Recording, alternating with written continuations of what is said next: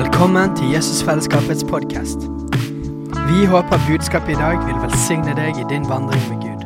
Og om du vil ha mer informasjon om menigheten, kan du gå inn på jesusfellesskapet.no.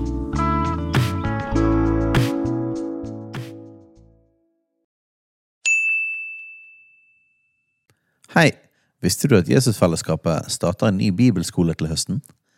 Den heter Jesusskolen og starter den 3. september.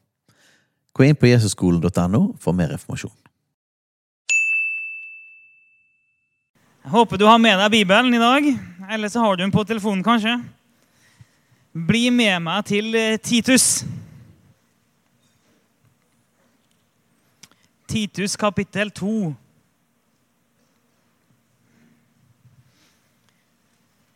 Er det noen her inne som noen gang har merka at eh, det, det er noen ting du vil, men du får det ikke til? Er det noen som noen gang har opplevd det? Ja? Ok. Er det noen som eh, har kjent at, eh, har at det, det er noen ting du vet er rett, men det er vanskelig å gjøre det? Er det noen som har merka det? Ja? Er det noen som vet at det, eller som har merka at det er noen ting du vet er feil, men du klarer ikke å unngå å gjøre det? Er det noen som har merka det noen gang? Ja. Men det er fint. Da er ikke jeg alene. For det, hvis, hvis du, du, kjenner igjen i noen ting av det, så tror jeg at uh, jeg og Jesus har et ord til deg i dag. I Titus kapittel 2, vers 11 til 14, så står det For Guds nåde er blitt åpenbart til frelse for alle mennesker. Den oppdrar oss til å si nei til et ugudelig liv og verdslige lyster og leve forstandig, rettskaffent og gudfryktig i den verden som nå er, mens vi venter på vårt salige håp, at vår store Gud og frelser, Kristus Jesus, skal komme i herlighet. For Kristus ga seg selv for oss for å løse oss ut fra all urett og rense oss, så vi kan være hans eget folk som med iver gjør gode gjerninger. Det var noen fine vers.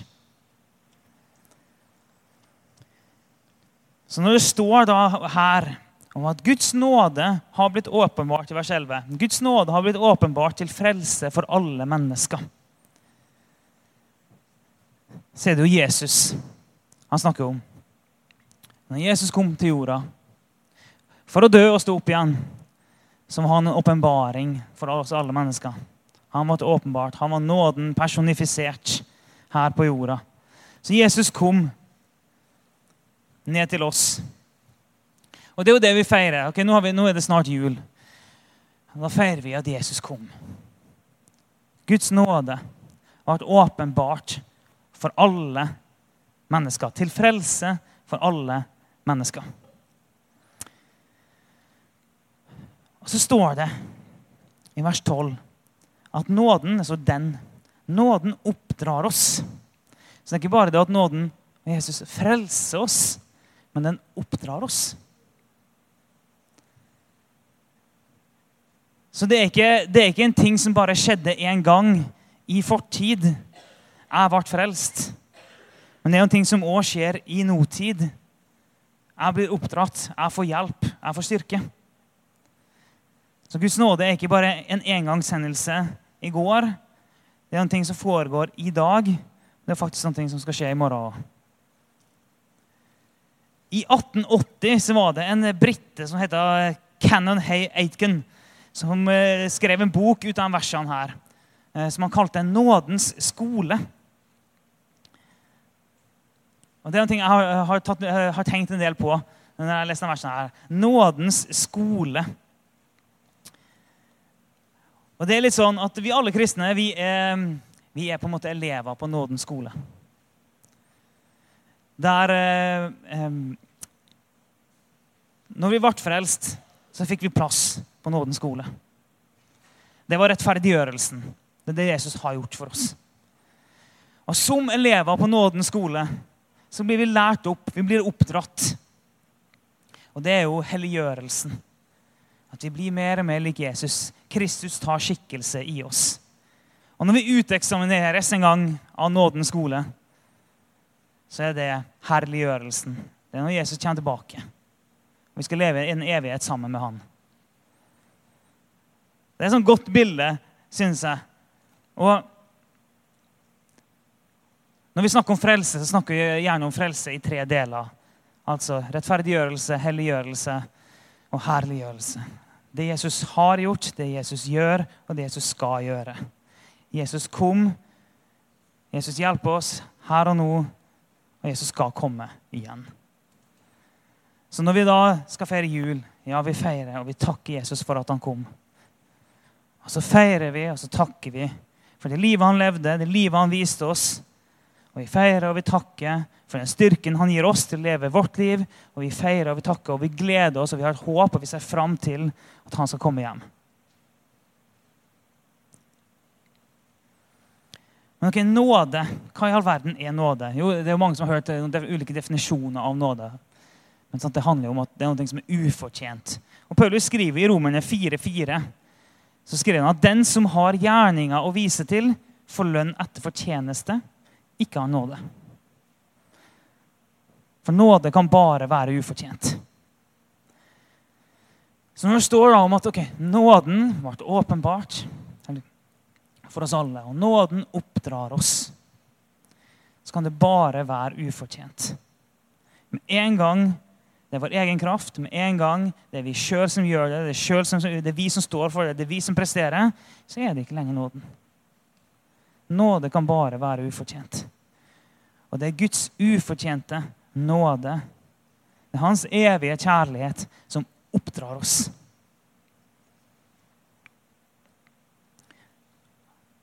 Og Det står i denne versen her at den oppdrar oss til å si nei til et ugudelig liv og verdslige lyster. Så hvis du har merka Vi lever jo i en fallen verden. Verden er ikke perfekt ennå. Og vi har fristelser. Så når vi merker det, at vi er frista, vi blir dratt mot ting Det kan være vanskelig å si nei. Så sånn, ja, Vi har fortsatt et eget valg, og vi har en egen styrke, selvfølgelig. Det, det har vi. Men det det står her, er at det er faktisk nåden som oppdrar oss til å si nei. Det er ikke vi som sier nei til synden fordi vi er så utrolig flinke og sterke. Det står at det er nåden som oppdrar oss til å si nei. Og nåden kan bare være ufortjent. Det betyr ikke at vi ikke har et valg lenger. Men det er nåden som oppdrar oss. Men det oppdrar oss ikke bare til å si nei, for livet handler heldigvis ikke bare om å si nei. Det handler om å si ja. Så det, er bare, det avgjørende er bare hva vi sier nei til, og hva vi sier ja til. Det er det som er det avgjørende. Men vi må, vi må alltid si nei til noen ting og ja til noe annet. Så da må vi si nei til de rette tingene og ja til de rette tingene. Og så står det uh, at nåden oppdrar oss til å si nei til gudelig liv og verdslige lyster. Og den oppdrar oss til å leve forstandig, rettskaffent og gudfryktig i den verden som nå er. Vi lever i den verden som nå er. Vi lever i en verden som ikke er perfekt. Det er der vi lever. Sånn vil det være. Men nåden oppdrar oss til å leve gudfryktig, til å leve rett i den verden som nå er. I dåpen så sier vi jo nei til det gamle livet. Det gamle livet blir begravd. Vi blir begravd med Jesus, og vi blir reist opp med Jesus. Ok, Så vi sier nei til det gamle livet. og Så proklamerer vi at Jesus er vår Herre. Og så sier vi ja til det nye livet. Det er det som skjer i dåpen. I Matteus kapittel 16, vers 24 må vi lese noe. For I dåpen sier vi nei til det gamle og ja til det nye. Og det er I Matteus 16, 24 så er det Jesus som sier noe. Da sier Jesus da sa Jesus til disiplene sine.: Om noen vil komme etter meg, da må han fornekte seg selv, ta sitt kors opp og følge meg.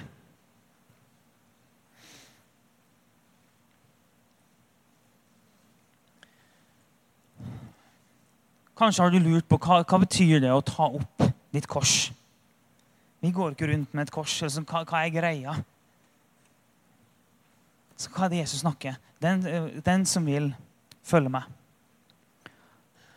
Han må fornekte seg sjøl og ta opp sitt kors. Ok. å bære på et kors på den tida der. Jesus gjorde det jo. Han fikk litt hjelp òg. Men, men å bære et kors, det var det samme som å bære en dødsdom. Hvis du bar et kors, så betydde det i praksis at du er allerede død. Hvis du bar et kors, så var du død. Du hadde bare ikke dødd ennå, men du var død. Så du bar en dødsdom. Så når Jesus sa si, du må ta opp ditt kors, så sier han du må ta opp ditt kors. Du må bære den dødsdommen over det gamle livet. Du må fornekte deg sjøl. Det gamle livet skal du si nei til. Du skal si ja til det nye. Og jeg tror vi kristne at vi, at vi trenger hver dag å ta opp det korset. Den, det høres forferdelig ut. Den, å bære den dødsdommen over det gamle livet som vi har sagt nei til. For ja, når vi ble frelst, så sa vi ja til Jesus. Da sa vi nei til det gamle livet. Når vi ble døpt, så sa vi ja til Jesus, og vi sa nei til det gamle livet. Men er det noen her inne som har merka at selv om du sa ja til Jesus en eller annen gang, så er det av og til du merker at du faktisk trenger å si ja en gang til? Er det noen som har merka det? At det er ikke en engangshendelse. Du trenger faktisk å si ja hver dag. Vi trenger faktisk å si nei hver dag, og vi trenger å si ja hver dag. Så vi trenger å ta opp det korset og si at mitt gamle liv, det er dødt. Jeg tar opp dødsdommen over det gamle livet. Det som er nagla til korset. Jeg tar opp, Det er begravd i dåpen, og, og, mitt skyldbrev nagla til korset. Og jeg tar opp det korset som en sånn Det livet, det er dødt. Det er ikke helt dødt ennå, for jeg kjenner jo litt på det likevel. Eh, i den verden som nå er. Men jeg tar likevel og bærer det korset som en dødsdom over det livet. Og så sier jeg ja til Jesus.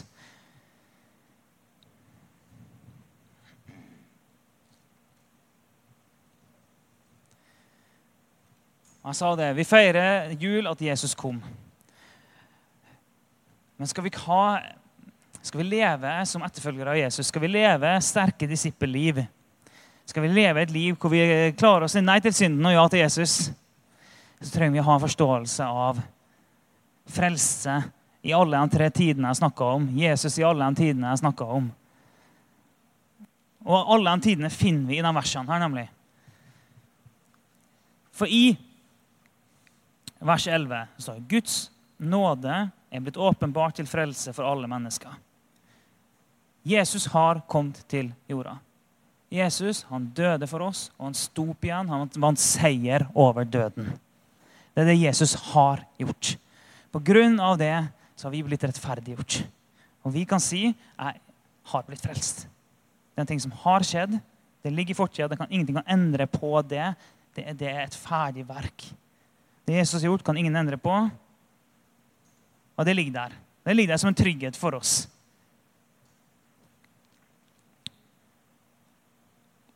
Og Så han, skriver han videre da, ok, den oppdrar oss til å si nei til et gudelig liv og verdens lyst og leve forstandig og rettskaffent og gudfryktig i den verden som nå er.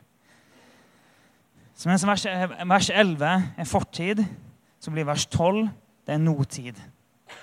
Ok, det er det Jesus gjør for oss akkurat her og nå i den verden som nå er. Nåden oppdrar oss her og nå, i dag.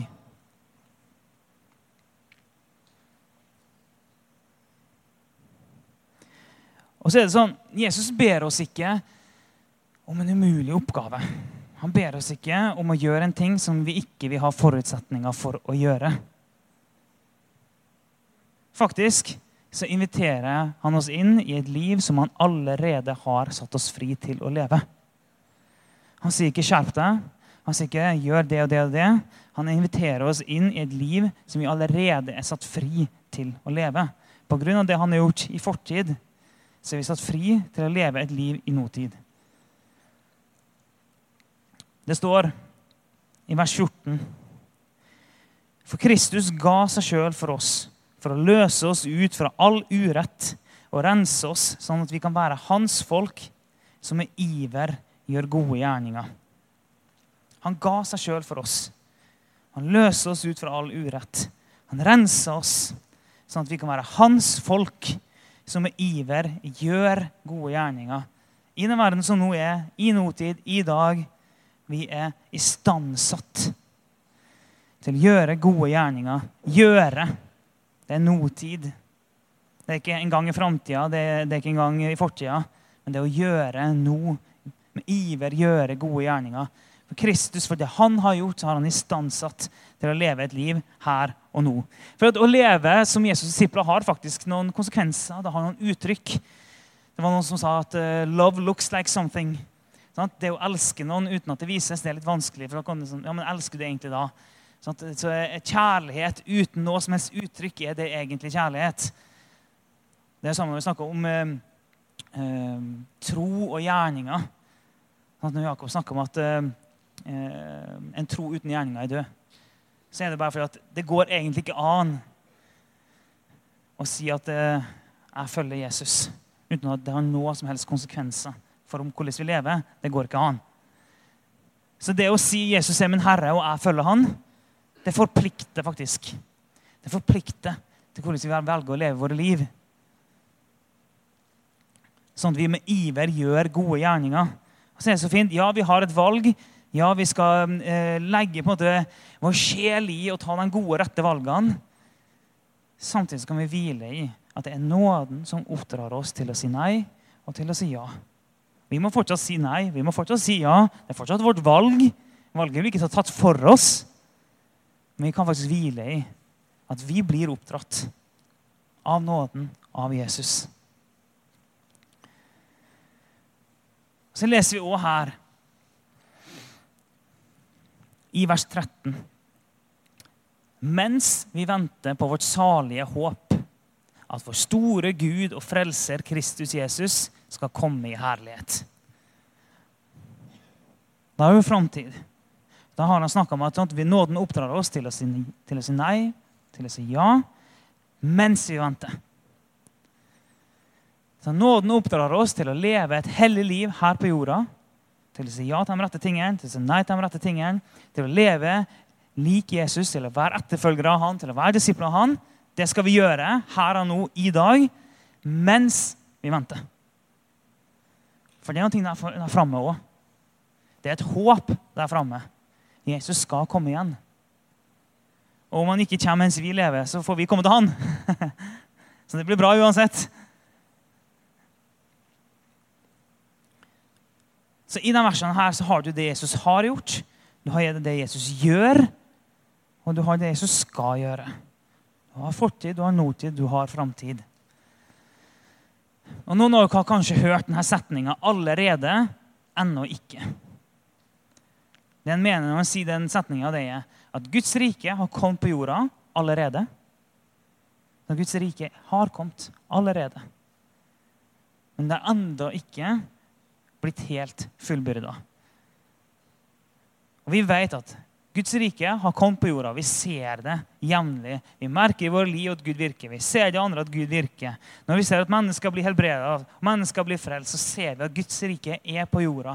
Guds rike blir utbredt på jorda. og virker, Det er virkekraftig her og nå, her i dag. Samtidig som vi ser at det ikke har vunnet fram alle plasser. Så det er det vi mener når vi sier 'allerede', ennå ikke. Guds rike er allerede her, men ennå ikke helt fullt ut her. Og En dag så skal det bli fullt ut her. Og vår liv, Våre liv handler om at vi tar den allerede-biten. Guds rike har kommet. Det er i meg. Jesus bor i meg. Og mens jeg venter på at alt skal bli fullbyrda, så skal jeg leve her og jeg skal utbre Guds rike. Jeg skal være en etterfølger av Jesus. Og Av og til så kan det være vanskelig. Ting skjer. Folk dør. Tragedier skjer. Vi har hatt begravelser i menigheten her. Vi er en menighet som tror på at Gud vil helbrede. Det er ikke, det er ikke bare det at vi tror at Gud kan helbrede. Vi tror faktisk at Gud vil helbrede. Vi tror faktisk det er, det er, det er hans utgangspunkt at han vil helbrede. Det er det vi tror. Og så ser vi at ikke det skjer hver gang. Når våre kjære faktisk dør. Eksempel. det er et av de verste uttrykkene for akkurat det der. Vi står i bønn. Vi ber og vi ber og vi ber. Av og til ser vi noen som blir friske, av og til ser vi noen som ikke blir det. Så hva er greia da? Jo, det er allerede ennå ikke. Ok, Guds rike. Vi vet han vil. Vi har ikke alle svar. Men av og til så får vi det svaret vi vil, av og til ikke. Men vi vet at en gang det er framme, så vil det bli perfekt. Så vi erfarer begge deler. Vi erfarer allerede, og vi erfarer ennå ikke. Men hvis vi lever våre liv med en forståelse av at okay, Jesus kom til jorda Han døde, han sto opp for meg, han tok mine synder. Når jeg forkynte for et par uker siden, så var det som var poenget mitt at uh, for å virkelig kunne sette pris på det Jesus har gjort, så må vi vite hva han har frelst oss fra, og hva han har frelst oss til. Vi må ha forståelse av begge deler for å virkelig kunne være takknemlig. Og Hvis ikke du er klar over at du har en gjeld, så vil du ikke kunne være takknemlig for at den gjelden har blitt sletta. Hvis ikke du er klar over at du er dødssyk, så vil du heller ikke være takknemlig for at du fikk en medisin som gjorde deg frisk. Så vi er nødt til å vite hva, at vi var fortapt, og hva som var vår tilstand uten Jesus. For å virkelig kunne sette pris på det livet vi nå har med Jesus. Så vi må ha begge deler. Hva ble du frelst fra? Hva ble du frelst til? Ok, men Det var ting Jesus gjorde for oss. Men så gjør Jesus noen for oss nå, og han vil òg gjøre noen for oss der framme. Alt det her må vi ha med oss når vi lever. Og når vi har alle de tre tidene med oss hver dag, og vi, har, og vi kan hvile i at Guds nåde oppdrar oss til å si ja og til å si nei, så vil vi merke forskjell. Bli med meg til Salme 86, 11. Salme 86, vers 11.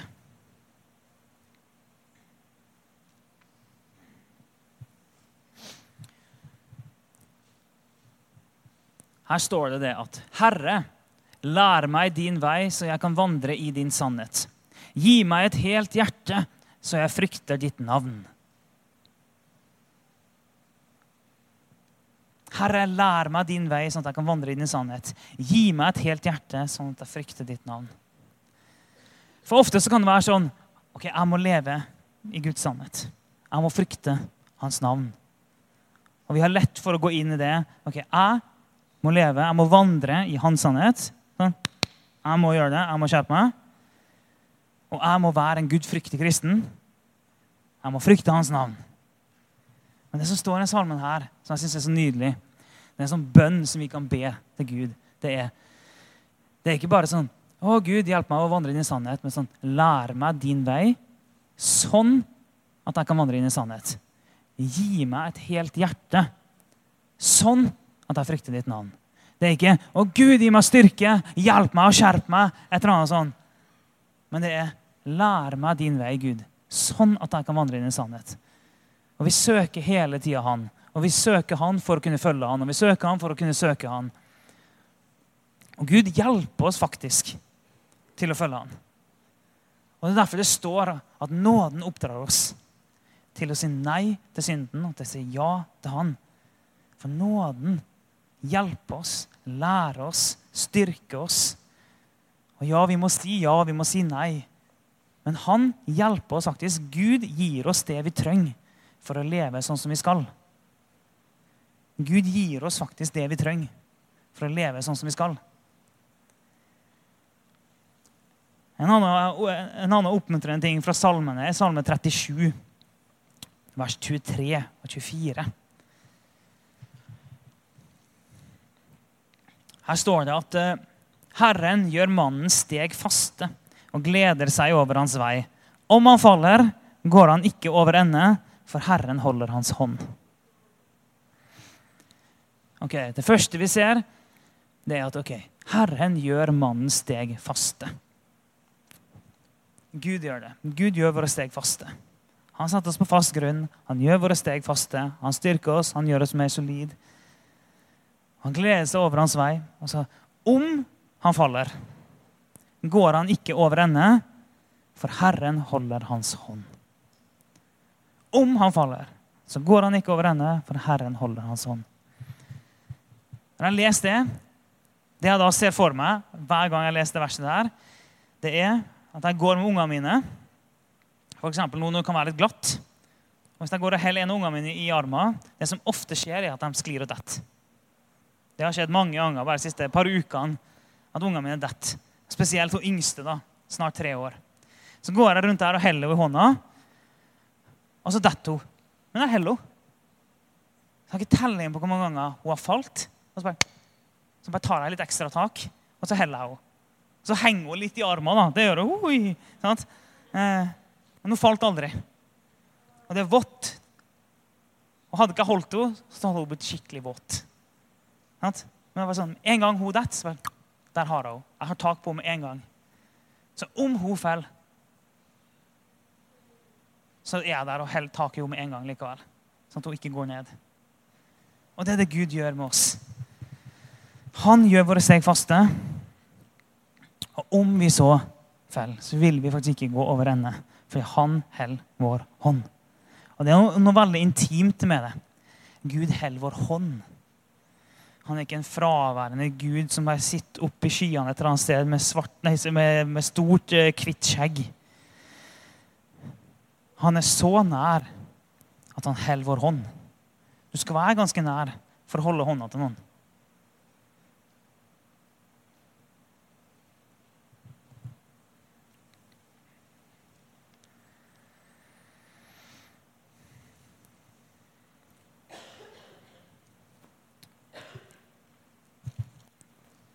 Og i eh, Paulus han eh, sa ting i 2. Korinterbrev 12.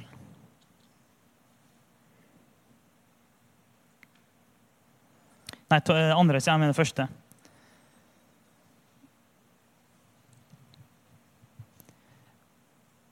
Tolv ni. Men han svarte, der er Jesus som taler til Paulus. Så sier Jesus til han, for Paulus han ønska å, bli, å få, få, litt hjelp og bli kvitt torn og kjøtt og litt forskjellig. Og så sier Jesus til han, Min nåde er nok for deg, for kraften fullendes i svakhet. Så Derfor vil jeg helst være stolt av mine svakheter, for at Kristi kraft kan ta bolig i meg. Så når vi lurer på ok, men hva er det som skal til for å si ja til Jesus, til å leve gudfryktig, til å leve rett, hva er det som skal til for å si nei til synden og si nei til det som drar oss vekk fra Jesus? Jo, da er det faktisk det som Jesus sa her, at min nåde er nok for deg.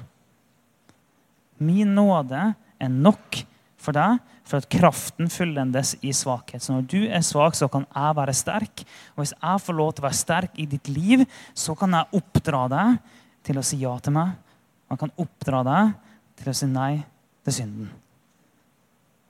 Men da må du faktisk være svak, sånn at jeg kan være sterk. Og så må du holde tak i den hånda som jeg har gitt deg. Så vår jobb er å la Han være sterk i våre liv. Vår jobb er å la nåden oppdra oss. Og ja, vi har et ansvar. Vi har et valg. Det har vi. Vi må fortsatt si ja. Vi må fortsatt si nei.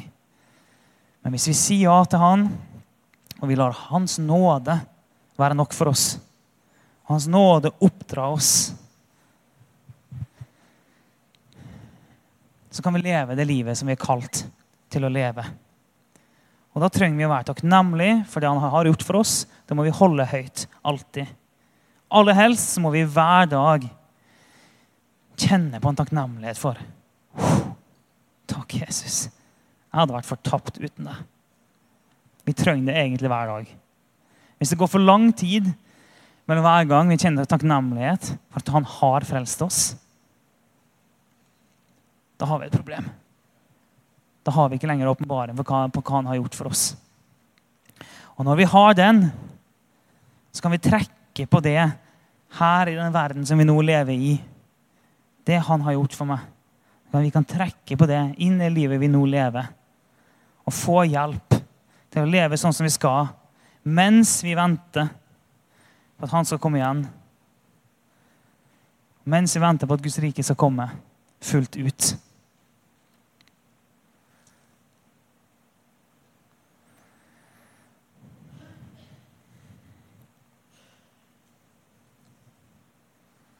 Så det er nåde. Nådens skole.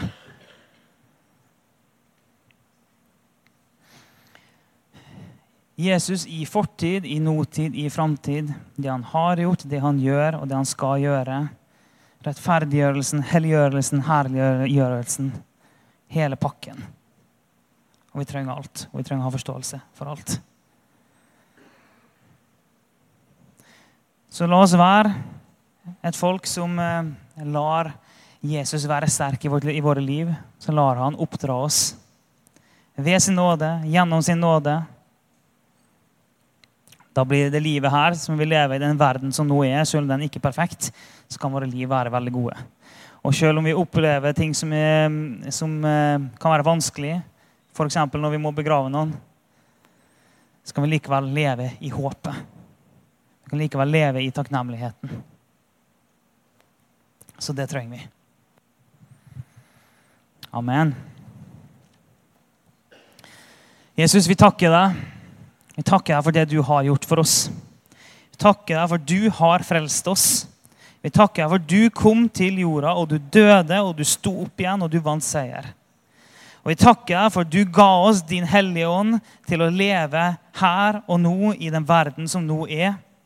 Vi takker deg for det, og vi takker for at du skal komme igjen. Jeg ber at du skal åpenbare deg enda mer for oss, Jesus.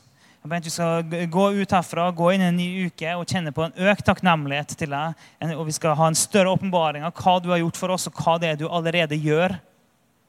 Åpenbar det for oss, Jesus. Åpne våre øyne til å se og våre ører til å høre. Så vi takker deg, Herre. Vi priser deg for den du er. For det du har gjort, og det du gjør, og det du skal gjøre. Amen. Hei, alle sammen. Det er Katrine og Steinar Lofnes her. Vi er hovedledere for Jesusfellesskapet. Så kjekt du har lyttet til denne podkasten. Har du forresten hørt noen av de andre podkastene våre? Ukens tale, Disippelskolen, Hyrdepodden, Kulturkrigen og Mammas hjerte. Du finner disse podkastene på Spotify, Apple Podkaster og på nettsiden vår jesusfellesskapet.no.